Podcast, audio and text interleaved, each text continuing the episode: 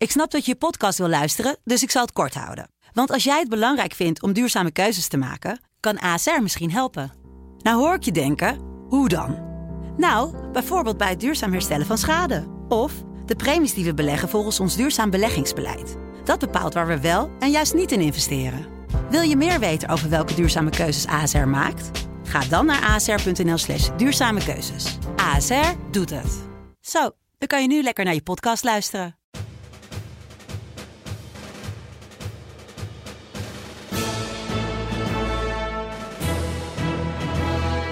Dit is Delta Tango, de defensiepodcast van de Telegraaf. Je weet nooit bij hem, van, is dit nu de echte Samir of uh, zit hier echt ergens diep verstopt nog iemand die de Nederlandse samenleving heel veel kwaad wil doen als hij de kans krijgt? Helemaal anders. Alles is nieuw vandaag. Te beginnen bij de vormgeving. Vind je het mooi? Een nieuwe aankondiging. Uh, hij klinkt wat bombastisch, maar het geeft wel de urgentie weer van ja, de stand van zaken in uh, defensie en veiligheid in Nederland. Ja, precies. Nou, ik vind het mooi. Nou ja, welkom bij Delta Tango. Mijn naam is uh, Olaf van Jolen. Uh, inderdaad, zoals de collega in, in onze mooie nieuwe leader, Wilson Boldewijn, al zei, de defensie- en veiligheidspodcast van de Telegraaf. Ja, en er is meer aan de hand dan alleen een nieuwe leader, zoals dat in het jargon heet. Er is veel meer nieuw. Want tegenover me, jullie hoorden hem al, uh, zit uh, Sil van Schoonhoven. De afgelopen jaar dat we deze podcast maakten, steeds aangekondigd als verslaggever veiligheidsdiensten en uh, terrorisme. En hij mag vanaf vandaag ook in zijn functieomschrijving defensie toevoegen. Want als defensieverslaggever ga ik, zoals het altijd noemt, buiten dienst. Ik heb een andere functie binnen de Telegraaf. Ik ben chef van de verslaggeverij geworden. Maar, en dat is goede nieuws, ik ga niet alleen over vakantiekaarten en, en andere PNO-vraagstukken. Ik mag ook deze podcast blijven presenteren pas heel van. Dus daarvoor alvast hartelijk bedankt. Ik moet misschien voortaan alleen defensieverslaggever BD achter mijn naam zetten. Hè? In ieder geval. Buitendienst, ja, ja. ja. Nou, het wordt allemaal even wennen, maar ik denk dat het heel uh, leuk gaat blijven. En de podcast, die willen we gewoon uh, houden zoals hij is. Los van die mooie nieuwe vormgeving. Silvan, uh, dan nu gewoon terug tot de orde van de dag. Eigenlijk een beetje de orde van gisteren. Want we gaan het vandaag hebben over een man die wel werd aangeduid als staatsvijand nummer 1, hè? Samir A. Samir A, ja. Een man over wie uh, wij al uh, bijna twintig jaar in het nieuws uh, kunnen horen en lezen. Staatsvijand nummer 1, draaideur, jihadist wordt hij ook wel aangeduid. Iemand die het gezicht was en is nog steeds van het jihadisme in Nederland. En hij staat nu terecht in een voor justitie heel belangrijke zaak. Die gaat over terrorismefinanciering. Ja, nou daar gaan we het zo over hebben. Maar laten we nog even teruggaan in de tijd. Die Samir A. Wie was dat nou? Of wie is dat nou? Waar, waardoor leerden we hem kennen die 20 jaar geleden? Samir A, nu 34 jaar oud, is in beeld gekomen kort na de aanslagen van 11 september 2001 in New York. Daarna heeft hij een poging gedaan om uit te reizen via Oekraïne naar Tsjetsjenië om daar te strijden. Dus hij wilde toen al deelnemen aan de gewapende heilige strijd, de jihad. Want in Tsjetsjenië woedde toen een heftig conflict. Tegen Moskou, hè? de rebellen, islamitisch, die streden tegen het regime in, in Moskou. Samir wilde daaraan meedoen, maar werd tegengehouden door de Oekraïnse grenspolitie en teruggestuurd naar Nederland.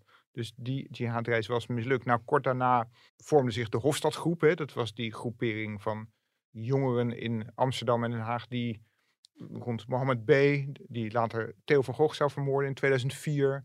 Er zaten allerlei radicale types die elkaar ophitsten met ideeën over de ideale islamitische samenleving en de democratie in Nederland die niet goed zou zijn, die zou moeten worden bestreden. Samir A. was daar ook deel van en uh, is later een aantal keer veroordeeld en heeft uiteindelijk negen jaar vastgezeten vanwege een aanslagplan wat hij zou hebben. Hij had plannen om Schiphol, dan wel het AIVD-gebouw, aan te vallen. En um, nou, was op zoek naar explosieven en wapens en dergelijke. Ja, die, die, die Samir A., uh, hoe zou je zijn positie binnen die Hofstadgroep kenschetsen? Was hij een leider? Was hij een volger? Hoe, hoe stond hij erop? Hij was niet de leider. De leider was een Syriër, een geheimzinnige man die later is ontkomen, uh, kort na de moord op Theo van Gogh. En dat was iemand die die groep religieus onderwijs gaf en hen uitlegde dat je de strijd niet alleen veraf kon voeren, hè, zoals in Tsjetsjenië of in Pakistan of nou, ver weg in Afghanistan, maar dat het misschien wel een goed idee was om juist in Nederland ook die strijd te voeren en om dus hier uh, ja, geweld te gebruiken om een daad te stellen En om te laten zien dat de democratie de vijand is van de islam, in feite. En die boodschap heeft hij ingeprent bij de leden van de Hofstadgroep. Nou, Mohammed B. heeft dat in de praktijk gebracht. Met de moord op Van Gogh inderdaad. Met de moord op Van Gogh. En uh, ook bij Samir A. heeft hij gedachte post gevat. En nou, hij heeft in elk geval stappen gezet in de richting van zo'n aanslag. Zover is het nooit gekomen. Hij heeft vanuit de gevangenis altijd ontkend dat hij zo'n plan daadwerkelijk had. Maar hij heeft onlangs heeft hij toegegeven in een documentaire. En dat is een documentaire staatsvijand nummer 1 van Sinan Chan bij BNN Varen. Daar heeft hij uh, bekend van, ja, wij hadden wel degelijk zo'n plan. En uh, als ze ons niet tegengehouden hadden, dan was het zover gekomen. De transacties van die wapens, dat is nooit gebeurd. Maar was je wel echt van plan om iets uit te voeren? Als we alle middelen hadden, dan was het wel tot iets gekomen natuurlijk. Tot een aanslag gekomen ja. waarschijnlijk. Een bekentenis. Nederland is aan een aanslag ontsnapt. Zou je hem dus ook de, een van de meer radicale leden van die Hofstapgroep kunnen noemen? Nou, hij is in elk geval iemand die al die tijd radicaal is gebleven. Hij heeft al die tijd, is hij speel in het, in het wiel geweest, zou je kunnen zeggen, van die Nederlandse jihad scene. Uh, hij kent iedereen, hij houdt contact met iedereen. Hij bekende ook vorige week bij de rechtbank dat hij bijvoorbeeld ook contact heeft met de aanvoerder van de Arnhemse terreurgroep, Hardy N. Daar correspondeert hij mee in de gevangenis. Uh, hij kent Mohammed B., daar wil hij graag op bezoek gaan.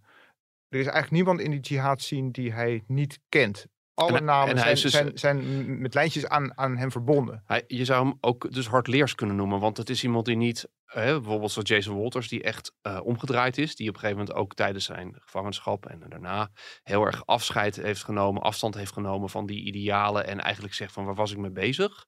Jason hij, Walters heeft, heeft in een open brief in de Volkskrant heeft hij echt afstand genomen van dat jihadistisch gedachtegoed. Samir A. heeft dat niet gedaan. Hij zegt wel dat hij anders denkt over bepaalde zaken. Dat heeft hij eh, ook tegen mij gezegd bij de, bij de rechtszaak. Dat heeft hij daar ook uh, in de rechtszaal zelf heeft hij dat gezegd. Maar de, de vraag is van ja, wat, wat houdt het dan precies in, dat anders denken? Dat is bij hem niet helemaal helder.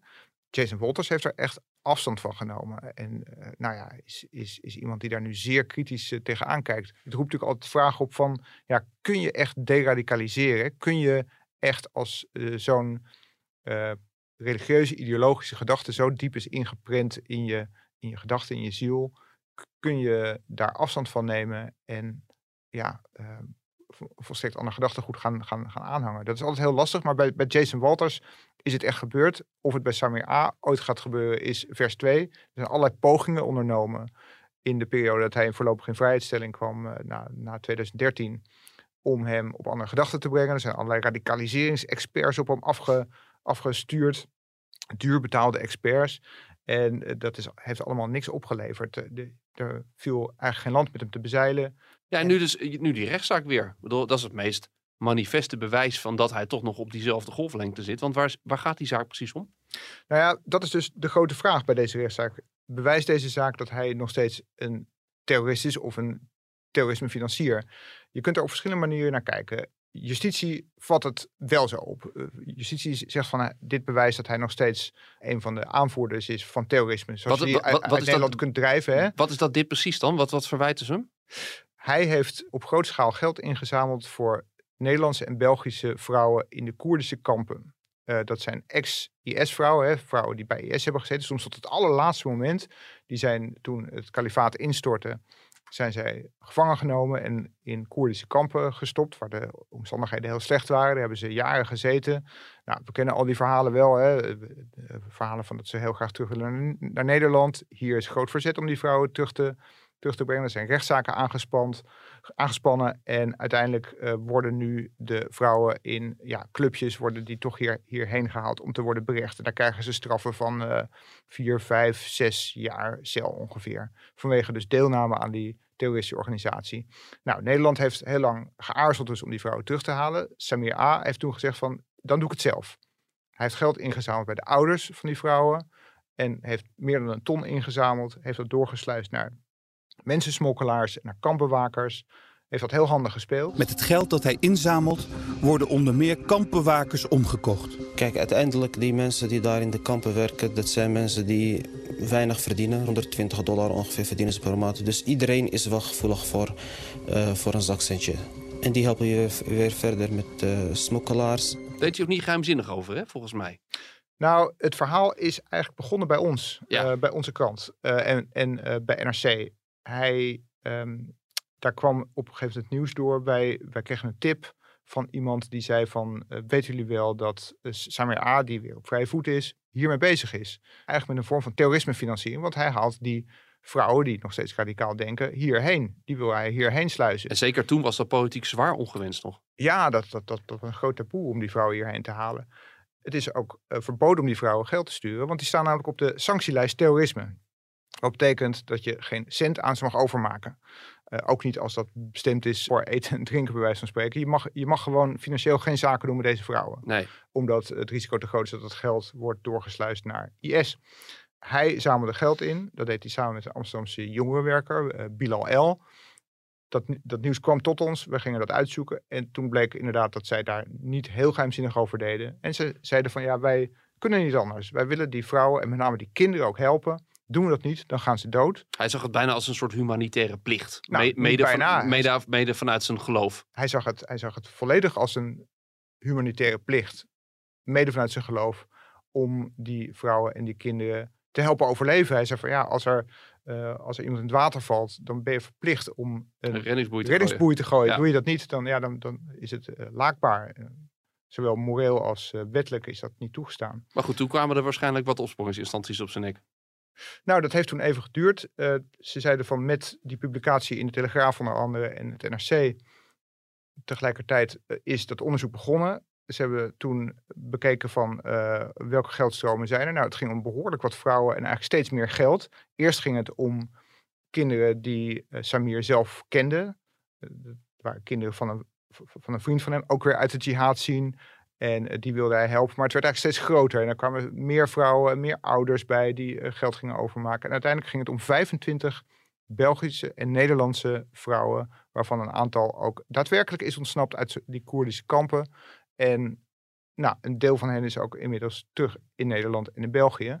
Een deel zit nog in Noord-Syrië, in Idlib of in Turkije. Zwerft nog rond, niet helemaal duidelijk.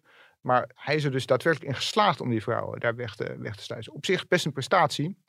Die eh, getuigt toch wel van enig organisatorisch talent. Maar ja, het mag niet.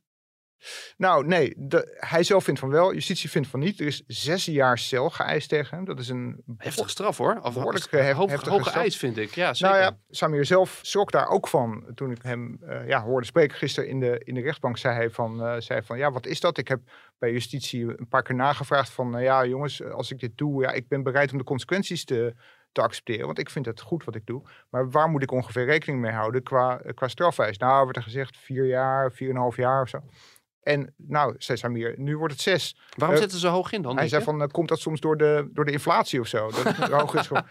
Ja, ik stond ook te kijken van die, van die eisen. En dat heeft er onder andere mee te maken dat justitie nu ook zegt van... Samir heeft niet alleen terrorisme ge- gefinancierd door dat geld op te sturen aan die vrouwen... maar is daarmee ook deel geworden van IS.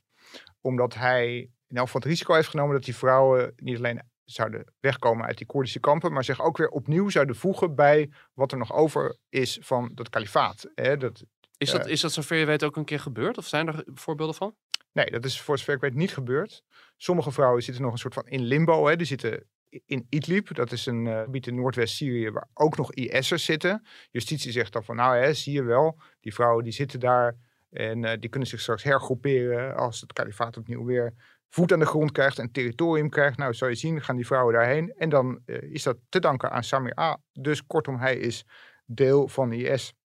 En moet dus ook daarvoor bestraft worden. Daarom valt die eis nu ook hoger uit ik moet zeggen, die zaak gehoord hebbende, met alle argumenten die op tafel zijn gekomen, alle bewijsstukken, vind ik dat niet heel sterk. Dat, dat komt niet heel helder naar voren uit, een het, soort, uit het dossier. Een soort beetje, wij spreken eh, theoretische redenatie achter. Want ze zouden daarheen kunnen gaan. Ze zouden daarheen kunnen gaan, eh, ze zouden zich kunnen aansluiten, ze zouden heel goed nog steeds radicaal kunnen zijn. Heel veel van die vrouwen die tot het laatste toe bij IS zijn gebleven en toen in het Koerdische kamp terecht zijn gekomen, die zijn ook knetterradicaal. Maar of dat nou voor deze vrouwen ook geldt, is niet helemaal duidelijk. Er zijn allerlei signalen dat een aantal van de vrouwen die nu ja, bevrijd zijn uit het kamp, dat die inderdaad lange tijd nog ja, zich positief over IS hebben, hebben uitgelaten. Die hadden ook wapens, eh, die hadden echtgenotes die streden voor IS, die eh, de zwaarste vuurwapens eh, in huis hadden en dergelijke. Dus dat, dat zijn geen hele Geen- gezellige Hele fijne mensen, nee. spijt op tanden per Nee. se. Dat zijn eh, mensen die echt nog wel diep in het gedachtegoed zaten in elk geval. Ja. Of ze dat nu zitten, dat weet je gewoon niet zo duidelijk. In elk geval, wat Samir zegt van ja nee, eh, het is heel vre- vreemd dat zij mij aanzien als deel van IS. Want wat ik doe gaat juist in tegen de, ideo- de ideologie van IS. Ik zorg er namelijk voor dat die vrouwen zich kunnen melden bij ja, Europese justitie, bij de Nederlandse OM. Ja, dat is, een, dat is natuurlijk een doodzonde in de ogen van IS dat je eh, je overlevert als het ware aan een godloos rechtssysteem. Waarom is die zaak zo belangrijk voor het OM? Nou, zoals we al zeiden, Samir A geldt als een spil in het jihadistische netwerk. Er wordt al jaren door de AIVD gezegd dat de jihadistische scene in Nederland een beetje kwakkelt. Er is geen eh, aansprekende leider, er is geen, niet één lijn. Ze maken onderling ruzie. Maar vooral dat ontbreken van een charismatische leider, dat is een van de redenen waarom die jihadistische club in Nederland, eh, zo'n 500 man groot, niet meer groeit. Ook niet echt krimpt, maar ja, je hoort er gewoon niet veel meer van. Zou er nou iemand zijn die eh, echt, echt als een spin in het web al die krachten. Hij kent iedereen, hè? Hij kent iedereen. Hij is slim. Hij kan organiseren. En hij zou dus eigenlijk een gedroomd leidersfiguur willen zijn. Hij zelf zegt van, ik wil dat niet, hè? Nee, want je kan ook zeggen, hij is al langere tijd op vrije voeten. Hij heeft die handschoen dan vooralsnog ook niet opgepakt. Dus waarom zou hij dat alsnog gaan doen? Volgens nog niet, behalve dus dat hij dus eh, deze actie heeft ondernomen die vrouwen eh, vrij te krijgen. En de IVD stelde al van het voornaamste wat jihadisten in Nederland op dit moment kunnen doen ter ondersteuning van die heilige strijd is het bevrijden van die vrouwen uit kampen. Nou, en laat nou dat precies zijn wat Samia heeft Het- gedaan. het- dus zit daarmee zien ze hem e- echt wel als, er zit wel een symbool, zit, hij is een symboolfiguur. Dus ook, ook als OM wil je, wil je zo'n symboolfiguur eh, in ieder geval het signaal afgeven van we willen je zo hard mogelijk pakken. Ook, Ja. ook naar een afschrikwekkende werking naar, naar de rest van die scene. En vergeet niet dat hij met deze actie ook weer heel veel charisma heeft verworven. Hè? Ja. Hij, hij is de man die in actie kwam, terwijl anderen een beetje op, op hun handen zaten van ach, ach, wat erg die vrouwen, ja, we kunnen niks voor ze doen. Samir stond op en heeft ze daadwerkelijk geholpen. Dat heeft hem denk ik veel aanzien opgeleverd binnen, binnen die kringen. Strategisch gezien zou je kunnen zeggen dat dit juist weer niet handig is geweest van het OM. Want ze, ze, ze metselen een sokkeltje voor hem eh, eigenlijk. Ja, eh, wat ze natuurlijk willen is hem toch weer een aantal jaar opbergen. Hij heeft, hij heeft natuurlijk al jarenlang vastgezeten. Is eh, sinds 2013 eh, vrij wel onder allerlei voorwaarden met enkelbanden en dergelijke. Dat heeft nog jaren geduurd. Eh, ja, hij kijkt nu toch weer tegen een, eh, tegen een forse celstraf aan. En dat houdt hem weer een tijd van de straat. En ja, over een paar jaar zou je kunnen zeggen, leven we weer in een andere wereld. En dan kunnen we weer verder kijken we hoe het, hoe het ervoor staat. Wel een taaie voor de rechter dit, hè? Een moeilijke, moeilijke zaak lijkt me. een hele moeilijke zaak. Want je kunt er daadwerkelijk op twee manieren tegenaan kijken. Eh, Samir betoogt van eh, ik doe niks strafbaars. Ik ben altijd open geweest. Ik maak er geen geheim van. Ik help vrouwen eh, om te ontsnappen. Je kunt kinderen niet laten sterven. En ik heb zelf niets meer met die jihad te maken. Ik denk anders over zaken. En wat mij betreft, het plegen van aanslagen en dergelijke, dat is, dat is iets uit het verleden. Ik ben echt wel anders gaan, gaan denken over bepaalde zaken. Ja, of, of dat dan zo is, dat weet je natuurlijk niet. Hè. Er werd, een aantal keer werd er gerefereerd aan een uitspraak die hij gedaan heeft over het levend verbranden van die Jordaanse piloot in een kooi door IS. Eh, hè, gruwelijke video waarin eh, ja. we- we- die, die ja. piloot een afgrijzelijke dood eh, sterft. Daarvan zegt Samir A. van ja, ik heb daar wel begrip voor, want dat volgt uit islamitisch recht. Die piloot die heeft mensen verbrand, die wordt nu zelf verbrand. Oog om oog, tand om tand is een islamitisch principe. En eh, nou, ik heb daar wel begrip voor. Ja, van dat soort uitspraken Tamelijk- schrikt justitie toch wel. Tamelijk radicaal. Ja, dat is behoorlijk radicaal als je dat zegt. Maar, de- maar de vraag is van, is hij nu nog steeds een risico als het gaat om het plegen van aanslagen? Ja, dat is heel lastig te zeggen. Eh, hij wekt in ieder geval de indruk dat hij dat ziet als een jeugdzonde, zou je kunnen zeggen. Jeugdige, jeugdige onbezonnenheid zeg Ja. dan mooi. Hè? Ja, precies. Heb je hem zelf al gesproken of niet? Ja, ik heb hem daar zelf gesproken. Kan Eh, dat? Kon dat bij die rechtszaak gewoon? Jawel, want hij is nu op vrije voeten. Hè? Hij, heeft een tijd, hij heeft een tijd in voorarrest gezeten. Hij, is niet, maar hij, wordt niet aange- hem, hij wordt eh, niet aangevoerd door nee. een pakketbusje met... hij komt met, via met, de eh, voordeur komt hij binnen Ja. en eh, is daar eh, nou, heel aanspreekbaar. Het is Oh. ook een, ehm, nou, het is een intelligente jongen die ehm, die ook goede vragen eh, stelt aan verslaggevers die, die daar zijn. Zo, hij zei bijvoorbeeld van, van, ja, ik wil jou ook iets vragen.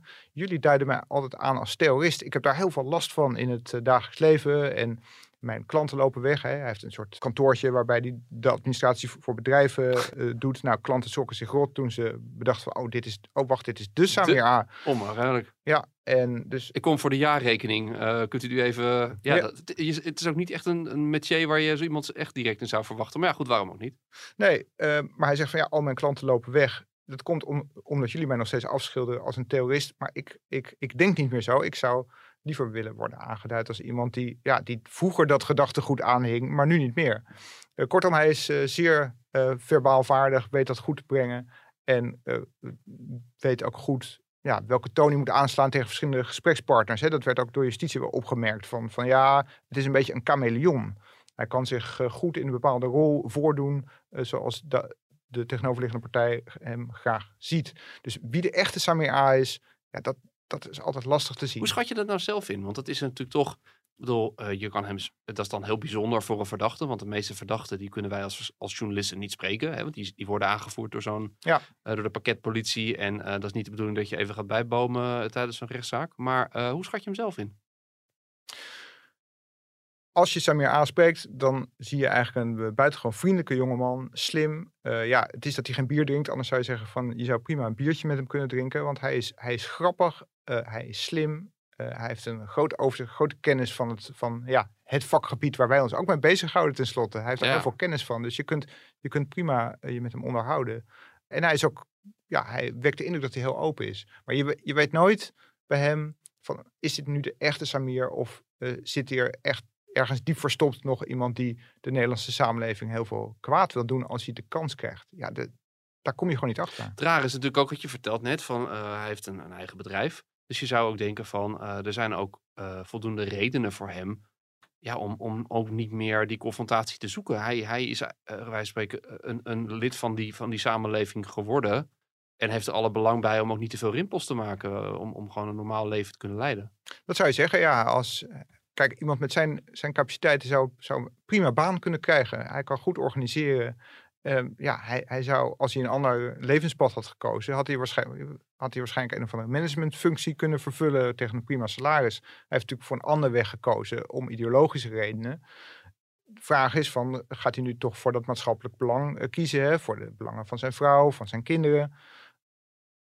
Om zichzelf als een braaf burger nu te positioneren in de samenleving? Of is voor hem toch nog die heilige strijd, of die strijd tegen democratie, de strijd tegen de Nederlandse staat, is dat voor hem nu toch nog het belangrijkste wat er is, wat boven zijn eigen persoonlijke belang gaat om een eh, welvarend, braaf burger te worden? Ja, ja dat, je ziet het natuurlijk vaak, maar dat is meer met, met criminelen. Met, met terroristen misschien anders. Maar bij de meeste criminelen geldt, eh, eh, ik heb dat wel eens gehoord van, van, eh, van deskundigen die zeggen, ja, je hebt de, de, de, de, de paar wezen, eh wijf, werk, woning.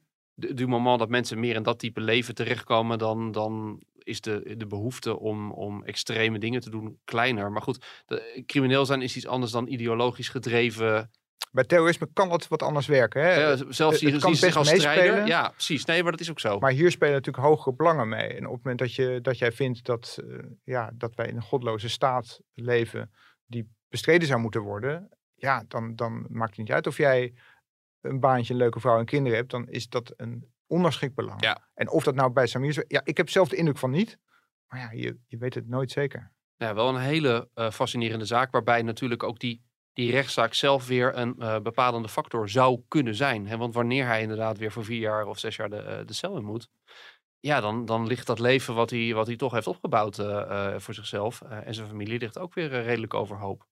Ja, en wat gebeurt er dan als hij vrijkomt? Hè? Dan heeft hij opnieuw status verworven, ook als een soort martelaar. Hè? Want hij heeft zijn nek uitgestoken voor de vrouwen en kinderen. Hij heeft daarvoor moeten boeten door een paar jaar in de cel te moeten zitten. Zal zelf misschien woede voelen.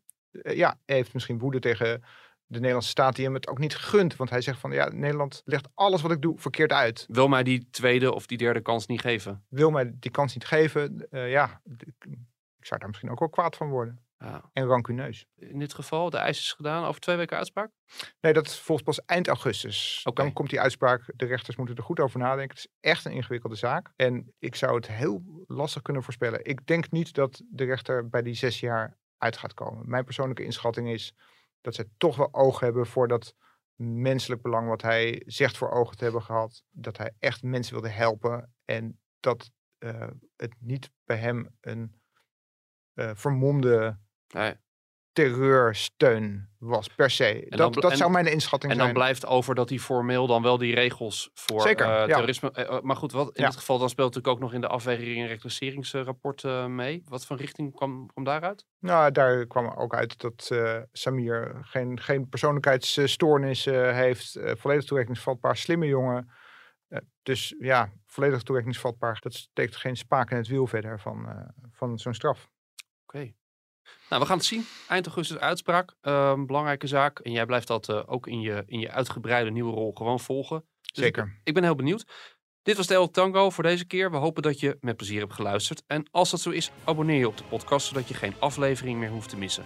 En ook met de recensies doe je ons een eh, plezier, als het tenminste positief is. We zijn er over twee weken weer met een onderwerp uit de wereld van veiligheid en defensie.